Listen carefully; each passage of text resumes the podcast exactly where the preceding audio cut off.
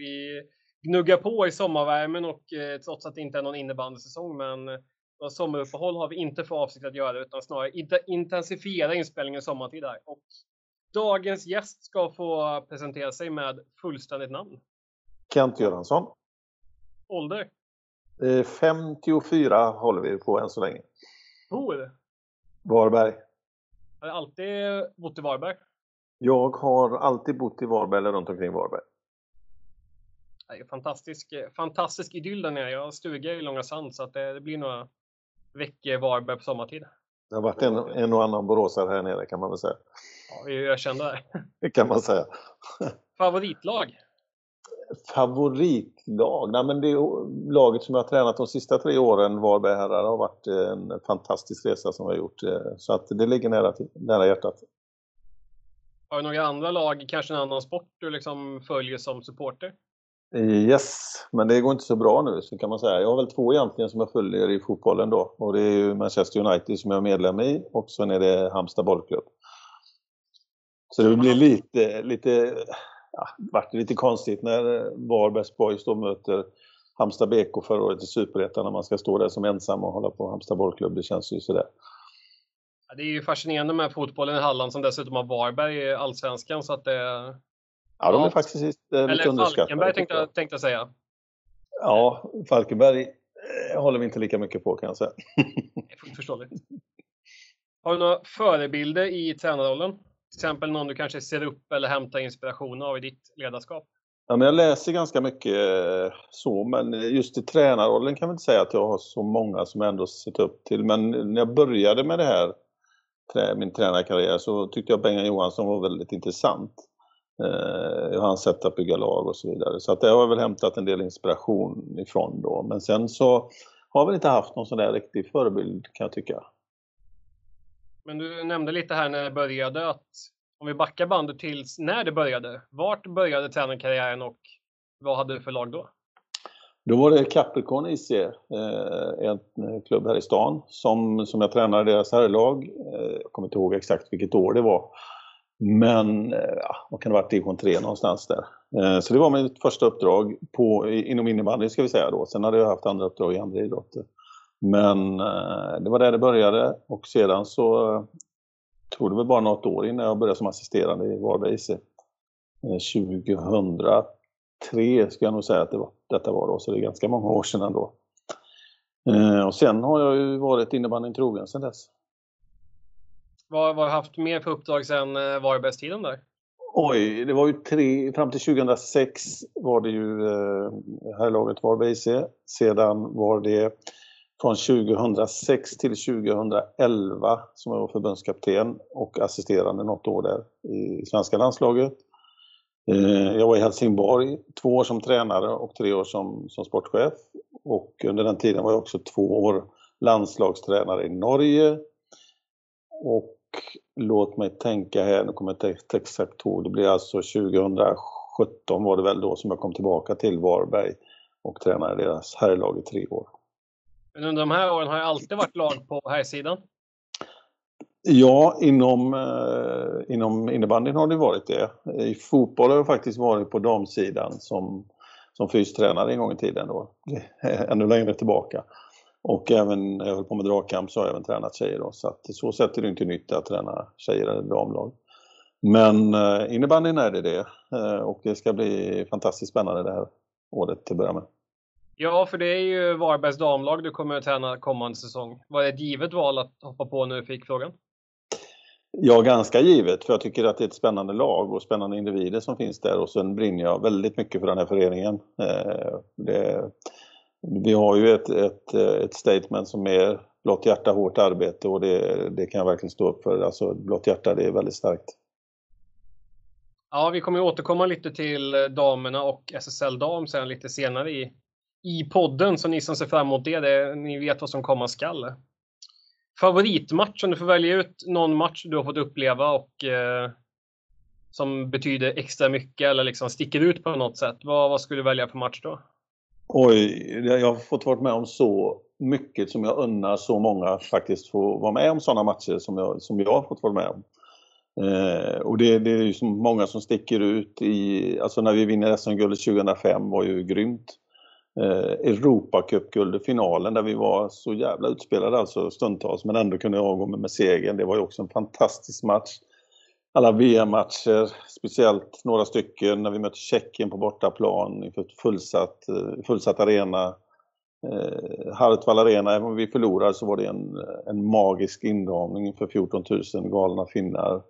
När vi avgör mot Hagen där hemma i, i eh, kvalet upp till SSL. Så det, det, är så mycket som jag har fått vara med om så jag kan liksom inte plocka ut ett, eh, ett speciellt minne. Det är många minnen, många fina minnen.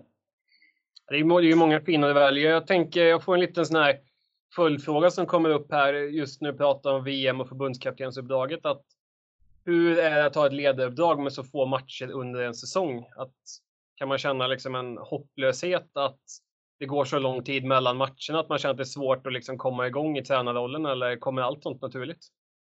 Ja, det blir någon form av abstinens till matchen någonstans och eh, det, var, det var ju lite jobbigt att inte få ha matcher och, och sen när du väl ska ha matcher och det är på riktigt liksom direkt. Det är ju väldigt få matcher som inte... Och så var det upplevde jag. Med svenska landslaget så var det liksom aldrig okej okay att förlora någonstans. Det, självklart ska det vara viktigt att vinna. Men det kunde aldrig jobba med någon form av utveckling i, i, i, den trupp som man hade för att få framtida segrar på något sätt. Utan det var, det var skarpt läge hela tiden oavsett om det var EFT eller om det var VM naturligtvis. Då, då, då gäller det att gå för att vinna, självklart. Då. Men eh, det, var, det, var, det, var, det var en häftig tid men det var också en tuff tid. Ja, det är ju ett eh, väldigt speciellt liksom, uppdrag på det sättet. Liksom. Mm. Eh, om du får välja ut en person i innebandyvärlden som du skulle vilja dela en kanna kaffe med, vem skulle du välja då? Nu får du tänka brett här. Det måste inte vara realistiskt utan någon som har funnits back in the days som kanske inte finns längre eller vad det kan vara. Språk är inte en begränsning heller. Ja, språk är inte en begränsning. Ja. Det, det, kan ju vara bra så sätt. Det finns väl många som man egentligen skulle... Jag har ju fått träffa så mycket människor i den här sporten som givit mig så mycket tillbaka. Eh, och som jag själv också försökt ge någonting då. Så att det där är en, det är en klurig fråga. Men när man tittar, så, man tittar tillbaka på landslagstiden, vilka bittra konkurrenter som vi ändå var, så hade det varit roligt och nu sitta med de man faktiskt hade som motståndare där, typ eh, Petro Nycke som jag pratat med många gånger och, och Kettunen och, och eh, det, vad heter han, eh, René Birlat som var i Schweiz och de, de är och kanske liksom språka vad fasen var det som hände, hur tänkte ni, hur tänkte vi? Liksom, det hade varit rätt så roligt att diskutera. Ja, för det finns ju säkerligen mycket att lära av att se liksom vilka förutsättningar de andra har. För det är väl väldigt få i ett land som kan relatera till just landslagsuppdraget. Det tror jag att eh, det är då. Och det, som jag sa innan, det, det var väldigt speciellt och, och, och otroligt häftigt att, att få vara med om alla de här stunderna som vi ändå fick vara. Då. Om du skulle försöka identifiera en eh, optimal innebandyspelare sett till egenskaper.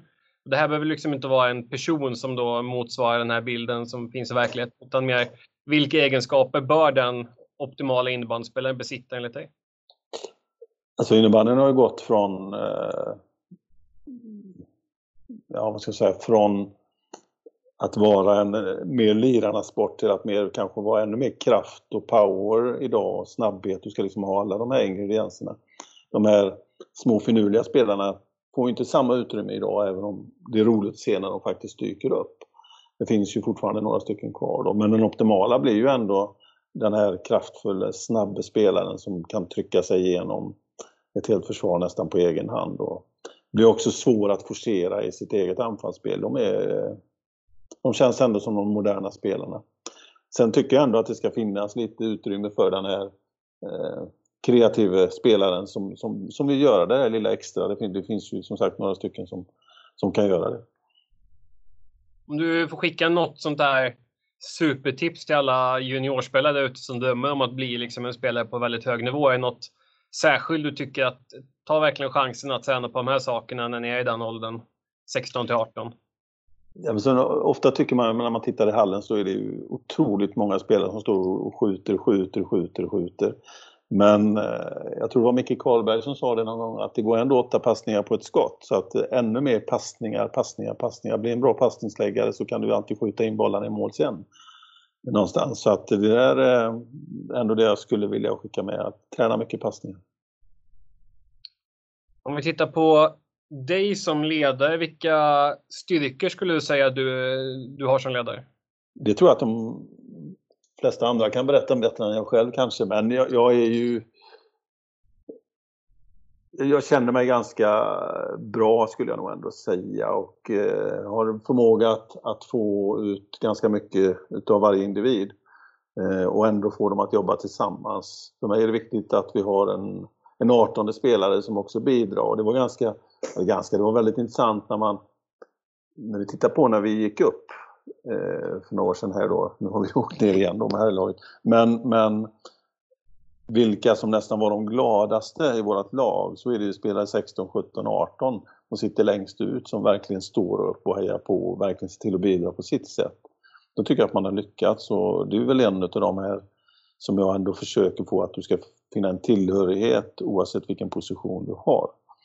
Eh, och eh, där är väl kanske den starkaste egenskapen då som, som jag har. Sen jag tycker jag att jag har förmågan att se den dagen man känner att idag stämmer det inte för, för den här spelaren och kunna faktiskt facea dem och säga vad, vad, är det som inte är bra liksom. Så där. Och då kan det vara någonting som har hänt vid sidan om, oftast är det ju det då, eh, som de inte liksom går och funderar på. Och då, då kan de alltid komma till mig och prata.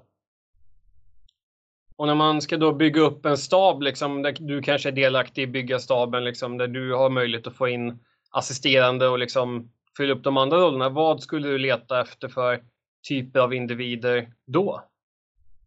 Jag tycker någonstans att det är viktigt att eh, man ändå söker den kreativa olikheten. Att eh, inte det blir en som är som mig och så kommer de in och så har de kanske lite mindre inflytande bara. Det blir lite ryska dockarnas effekt i, i sånt. Då, utan att de ändå och det är därför jag tycker jag och Bagan fungerade så jäkla bra ihop liksom för att eh, vi var liksom inte alls lika på det viset utan vi formades eh, i förhållande till varandra och kunde bidra till varandras både styrkor och svagheter. Då. Eh, så att någon som, som kuggar i mitt ledarskap och kan vara duktiga på det som, som jag kanske saknar. Då. Det blir två bonusföljdfrågor här då.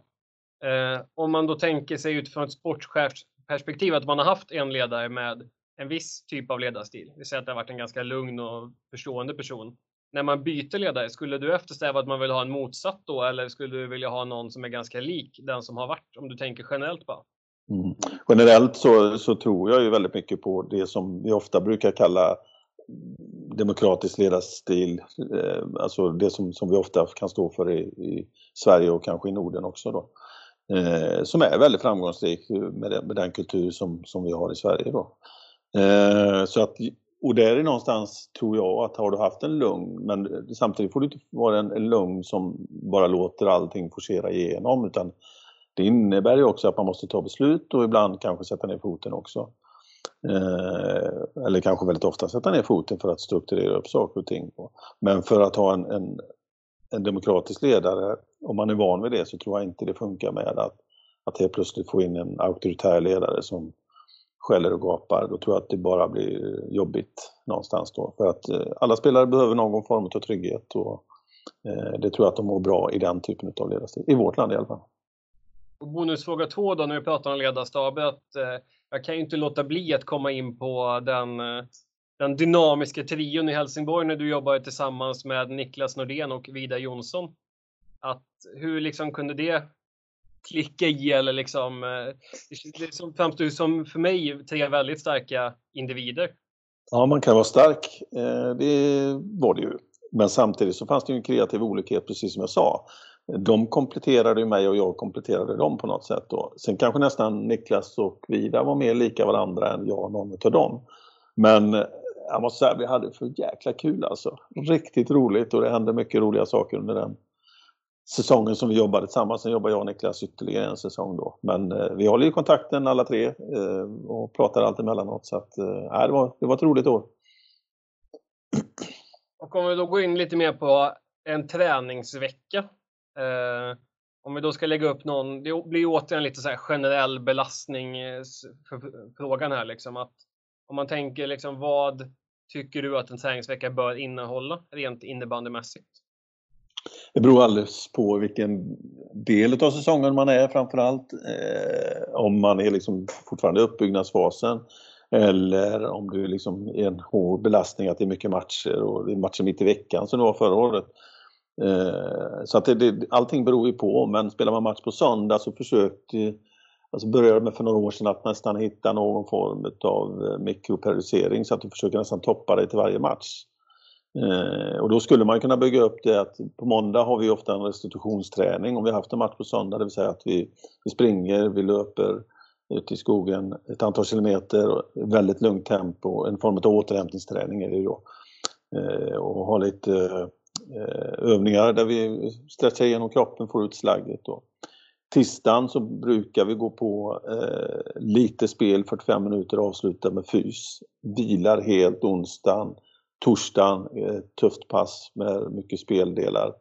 Fredagen eh, så, så har vi mer åt snabbhetshållet eh, och sen eh, med snabbhetsövningar och så vidare. Och sen på lördag så vilar vi och så kör vi matchen på söndag. Så har det varit ganska ofta. Sen är det ju dilemmat eh, med våran del, även om vi är ganska väl förskonade med träningstider, så är det inte alltid föreningar har lätt att komma till så att man kan styra den, sin egen verksamhet fullt ut.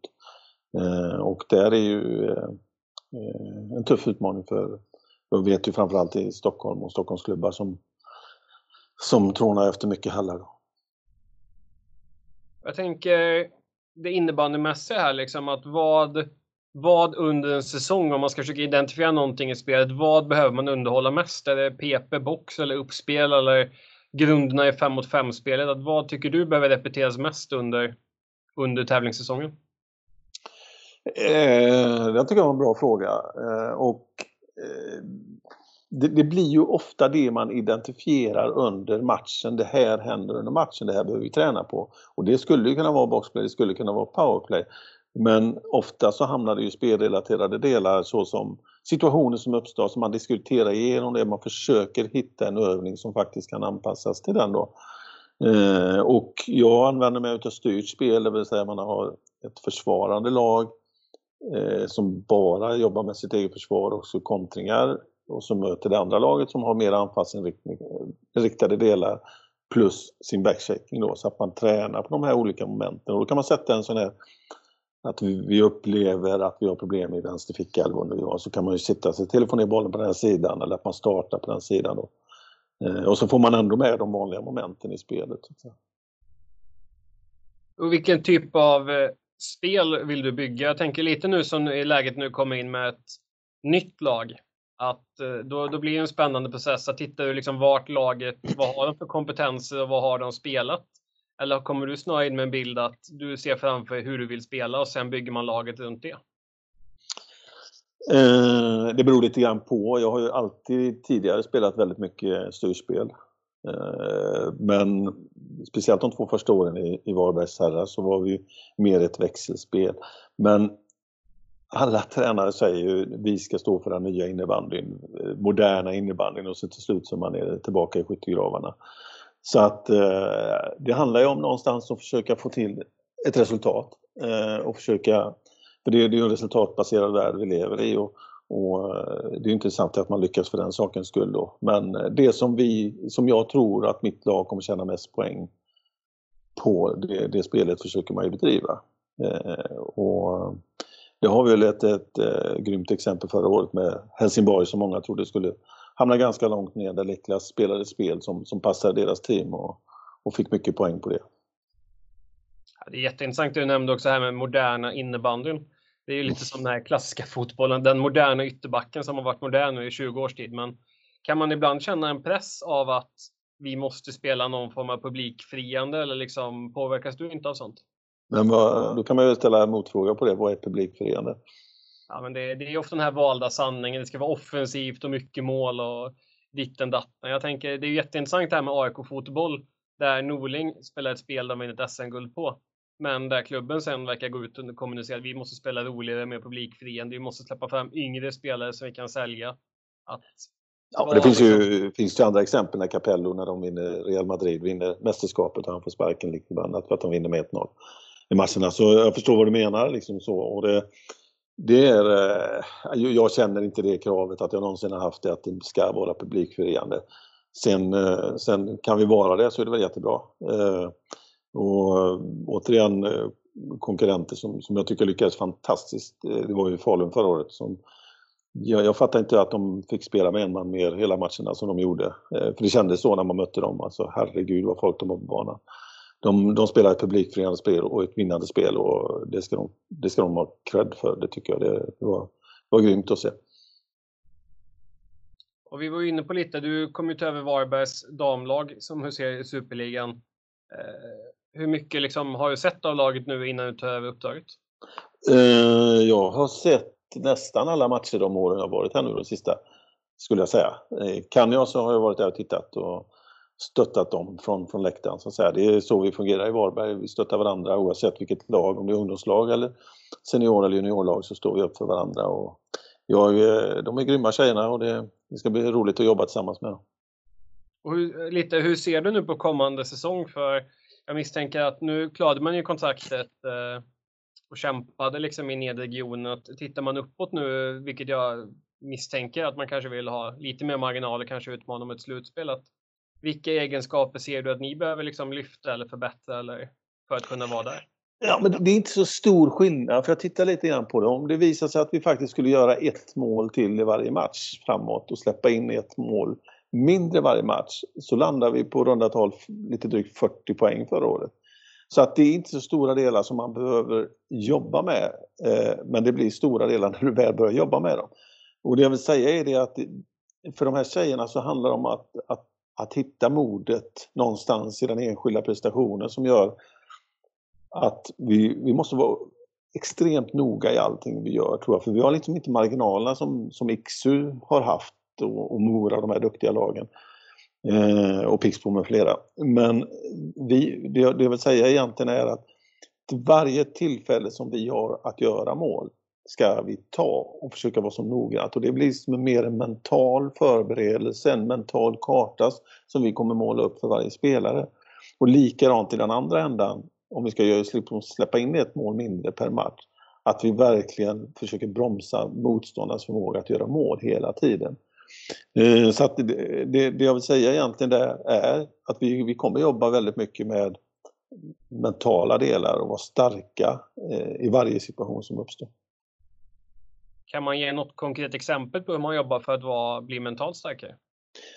Ja, det vi pratar till exempel om eh, om, om jag väljer eh, att ge mig ut en extra löprunda till exempel.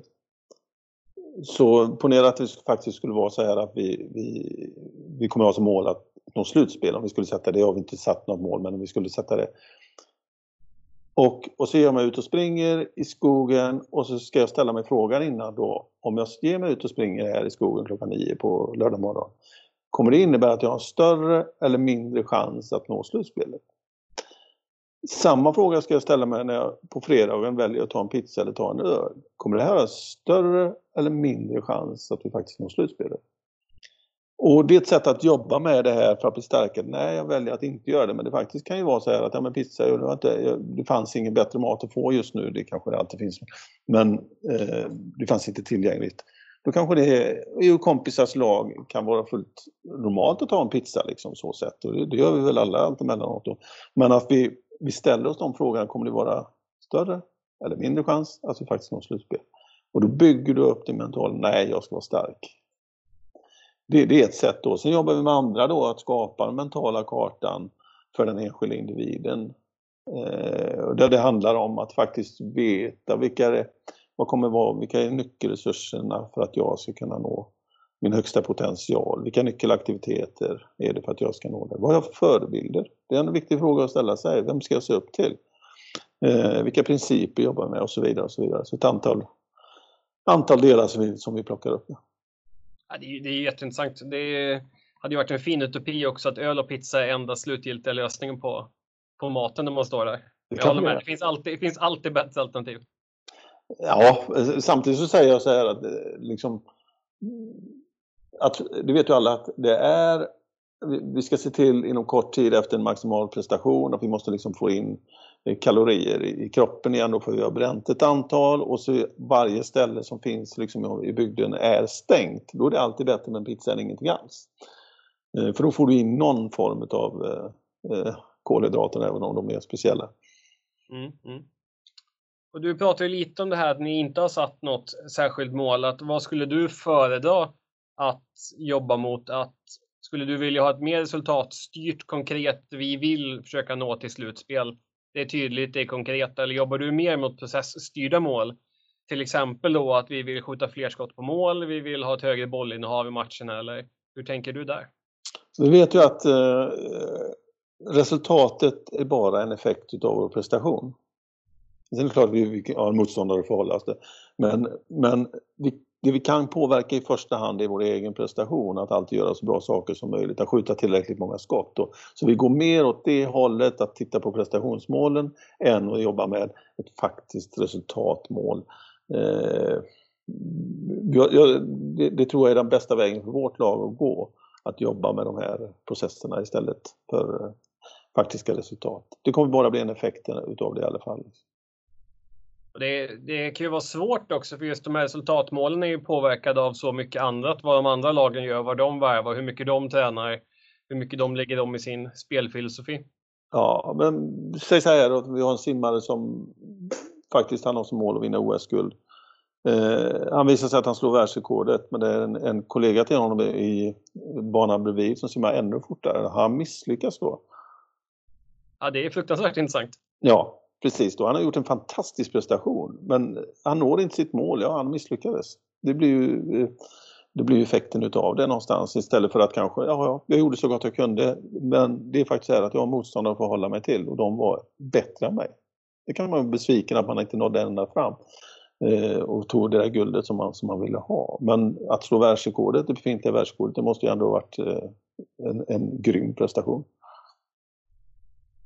Det ska ju bli fruktansvärt spännande att se damligan eller superligan på damsidan kommande år med tanke på att många lag som har lite nya tränare, det kommer in många, många mediterade tränarnamn och så. Men om du får välja ut en match mot något lag i superligan som du ser fram emot lite extra mycket, vilken match skulle du välja ut då?